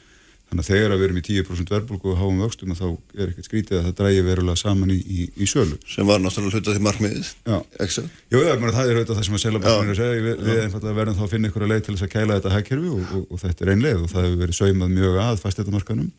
Eh, sko, eh, til þess að byggingamarkaður geti skilað ykkur markmiðum því að við erum átt okkur á því stjórnvöldur ekki fara að byggja er 35.000 Sigur Ingi er ekki að fara að stofna byggingafélag og, og byggja þetta í reikningríkisins, þetta er byggt að stærstum hluta í efnaðisreikning byggingavertaka sem að þurfa að treysta því að það geti selgt þessar íbúðir þegar framlýðast undir.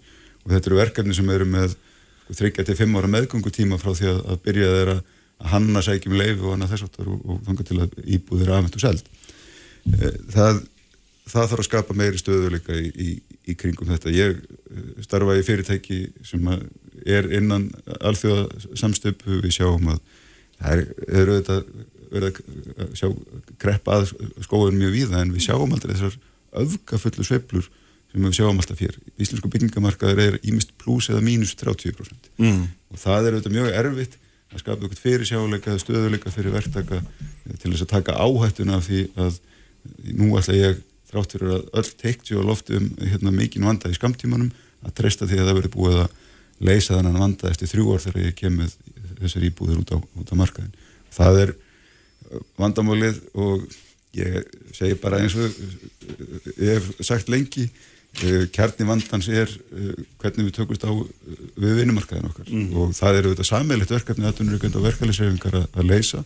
Það er alveg rétt sem Fimboð segir, það má gaggrina stjórnvöld fyrir margt. Við erum að endur taka mistök fyrir hrunns árana þar sem að, að ríkið hefur verið þenslu hvetjandi inn í mjög varhugavert ástand, aukið útgjöld með mjög óbyrgum hætti yfir mjög langt tímabil eh, eins og svo oft áður hefur gerst en eftir sem áður er stæsti drifkrafturinn í hagkerfinu enganislan kaupmátturinn að það er leðandi vinnumarkaðurinn Já. og þar, þar náum við tökum á stöðurleika En það er svona bara rétt hérna, sko, til þess að botna þetta, meina, það, það sem þið er að lýsa er í raun og veru staða þar sem að, hérna, við erum að sjá skarpan samdrátt og síðan mikinn eftirspurnar kvell aftur eftir húsnaði sem að vantalega þýðir aftur hækkandi verð.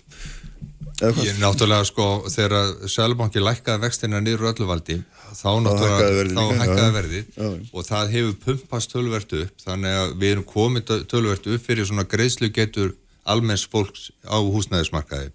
Þannig að við þurfum með einhverjum hætti að, að skoða sko Já, verðmynduna til dæmis eins og það að, að hérna, áður en að úr sko, byrjar að reyfa við moldinni að þá eru komin 20% af kostnaðinum bara í lóðinni að, að mikið af þessum lóðum á höfuborgarsvæðinu eru búin að skipta um hendur Já, já. marg, margsinnis og allir ná, ná í sitt kött af, af hagnaði þannig að við þurfum bara að fara að skoða verðmyndunina sem, sem að hérna, íbúðamarkaðurum býr við í dag sko að uh, við, við hérna, þó svo að hann, hann skáni að, að þá er greiðslu getan hjá almennu fólki til dæmis að komast út á markaðin að, að íbúðamarkaðin er langt, langt fyrir ofan það.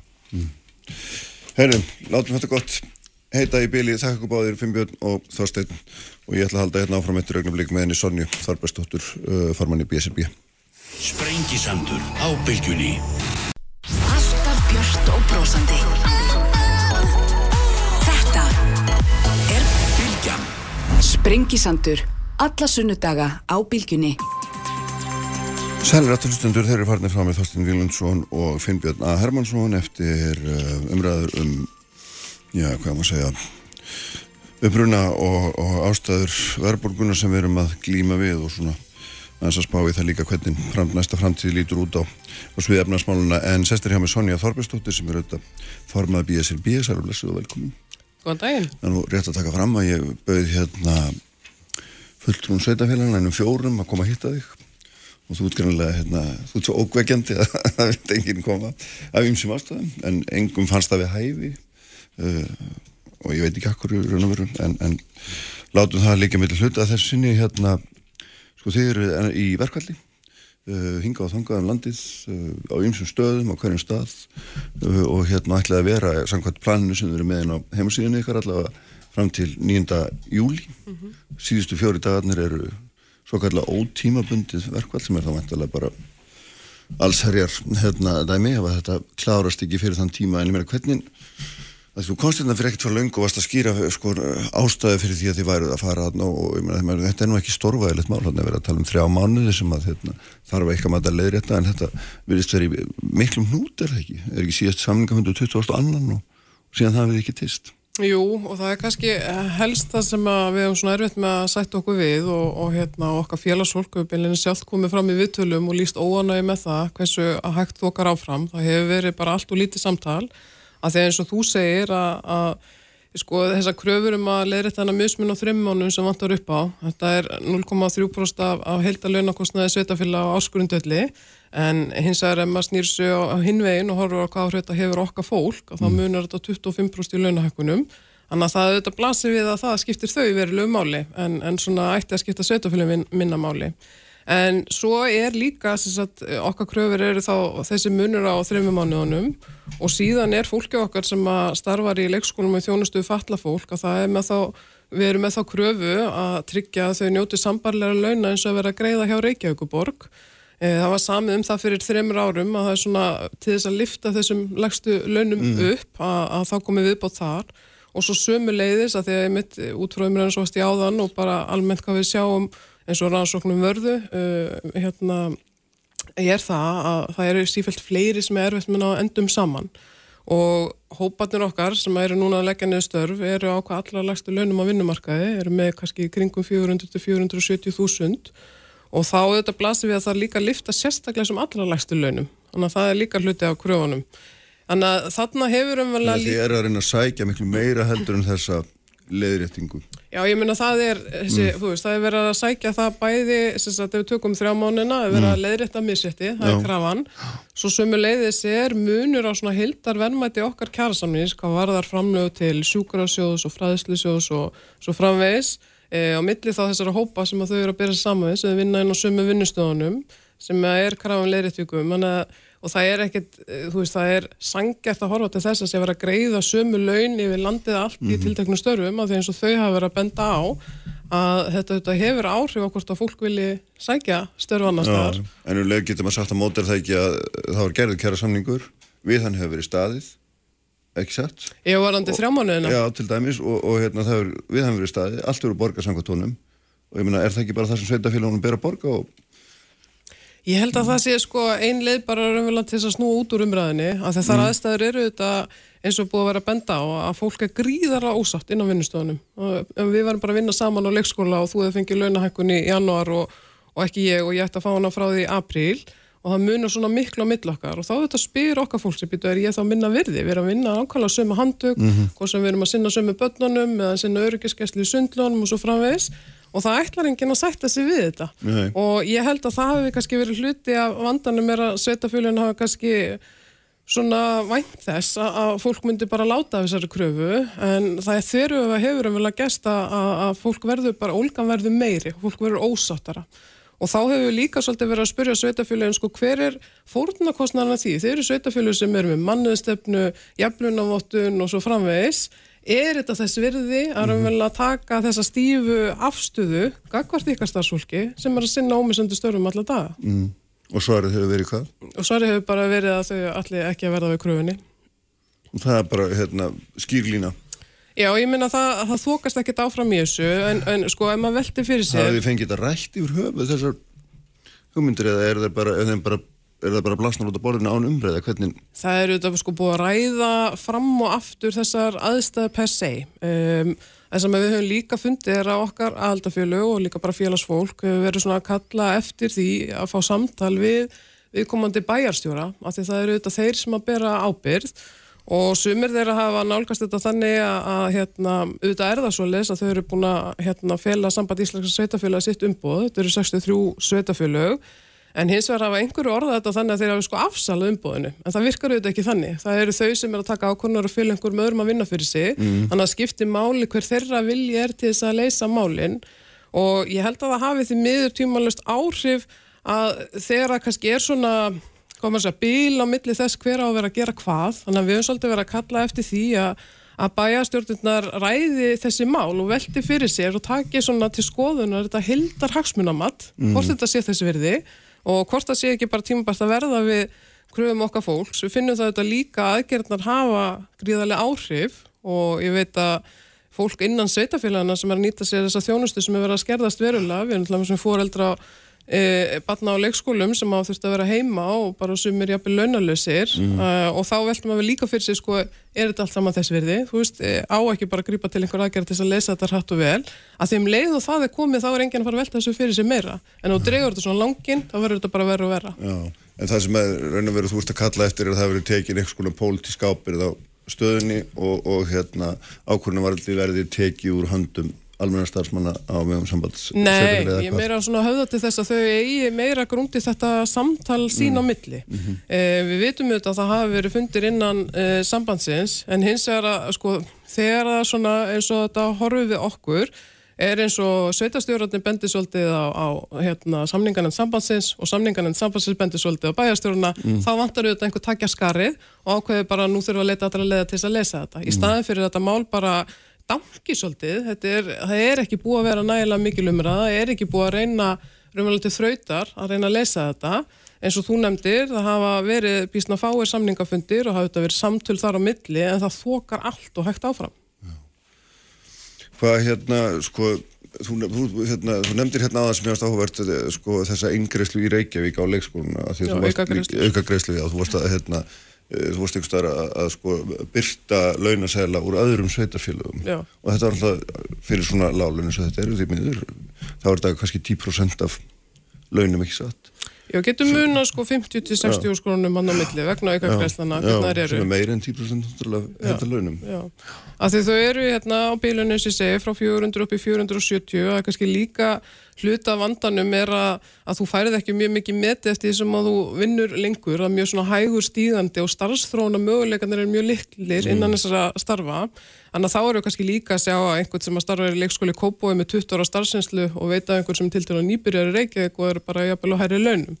Veist, þetta er allt saman sárt að bera saman á, á milli og þau eiga erfitt með að skilja það. Er náttúrulega í fyrsta lagi útvar því af hverju þessi störfi eru svona látt launu heilt yfir í samfélaginu. Mm. Uh, en svo bætist ofan á þetta þessi mismunur milli sveitafélagana. En ég held líka að það blasi við að þegar við sjáum að, að launin eins og leikskólum eru hvað lagst launuð á vinnumarkaði að það er einhver skekkja í því hvernig við erum að, að verðmeta þessi störfi mm. yfir höfuð og eru þetta stórir hópar kannar sem að sinna þeim. En allar viljum við miðstýra því hvernig sveitafélag borga sínu starfsfólki ekki hafa bara, er það, er, er það að byggja um það í raun og vera, það sé bara sömu laun yfir all landið fyrir samskona vinnu til dæmis á leikskóla því við erum að nefna það sérstaklega. Það eru vel að þannig nú þegar að þetta er mjög miðstýrt. Það eru mjög lítil tækifæri og það eru nánast engir sem er að fá eitthvað aukala umfram það sem er samið um í kjærasamningi.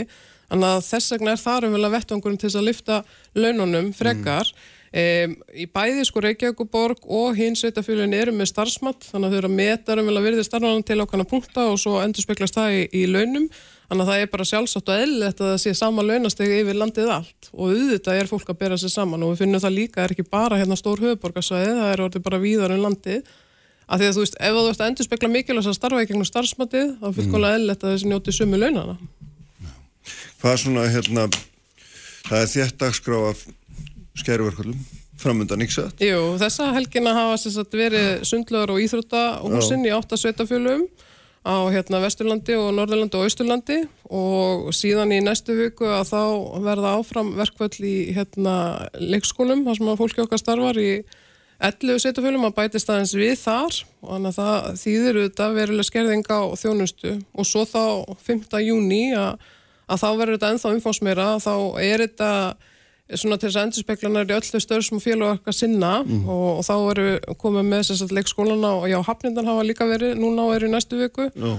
og sömulegis bætast á við eins og í áhaldúsum þau sem að sjáum að, að færa umhverfið okkar og við halda því og, og, og svo er þetta bæjaskristónum þau sem að sinna stjórnsýslinni þetta verða þá líka einhverju vinnuskólar og almennissamgöngur og síðan þess að eigum við líka hópa sem að e, við hefum ekki farið í atkakaríslinu verkveld sem er í þjónustu við fallafólk Þannig að þetta er svona, þetta eru störf sem eru gangi allan ásinsring mm. og eru mikilvæg fyrir samfélagi allt. Míða við þetta, þessa áætlun ykkar, hvað, hvað verða þá flestir, hvernig eru flestir og hversu margir verða í verðfælla á einum, einum tíma? Það byrjar þá hátna 5. júni og þá er þetta 2500 félagar sem eru að leggja niður störf í 29 sötufélum. Já, þannig að það er Það er slatti. Já, það er bísna mikið og við séum það þetta líka núna bara eins og í næstu viku þetta eru 11 setjafjölu og þetta er ykkur um 60 leikskólar og ég verður endar ekki tölu á fjölda batna en þetta hefur þetta markveldis áhrif sko mm. inn á það hvort að fólk getur sótt sín störf og svo framvegis. Mm -hmm. Við höfum bara, hérna, er fórsegundur bara östuðt, ég minna ertu svart sín eða bjart sín eða, eða bara Í, sko, í, í fyrsta lega er ég bara orðin óþölmóð fyrir hönda okkar fólks. Uh, við erum búin að vera fimm mánu að reyna að gera tólmánaða samning sem er bara ósættanlegt yfir höfuð. Uh, eh, Ólgan bara vex og það verður bara að fara að taka skærið og klára þetta. Ljómandi, Sonja, takk fyrir að koma. Takk fyrir. Sprengisendur um loki í dag, Ívar Davíð styrði auðvitað útsendinguna eins og hann gerir alltaf. Við erum með ykkur hér aftur eftir viku félagarnir. Verðið sæl.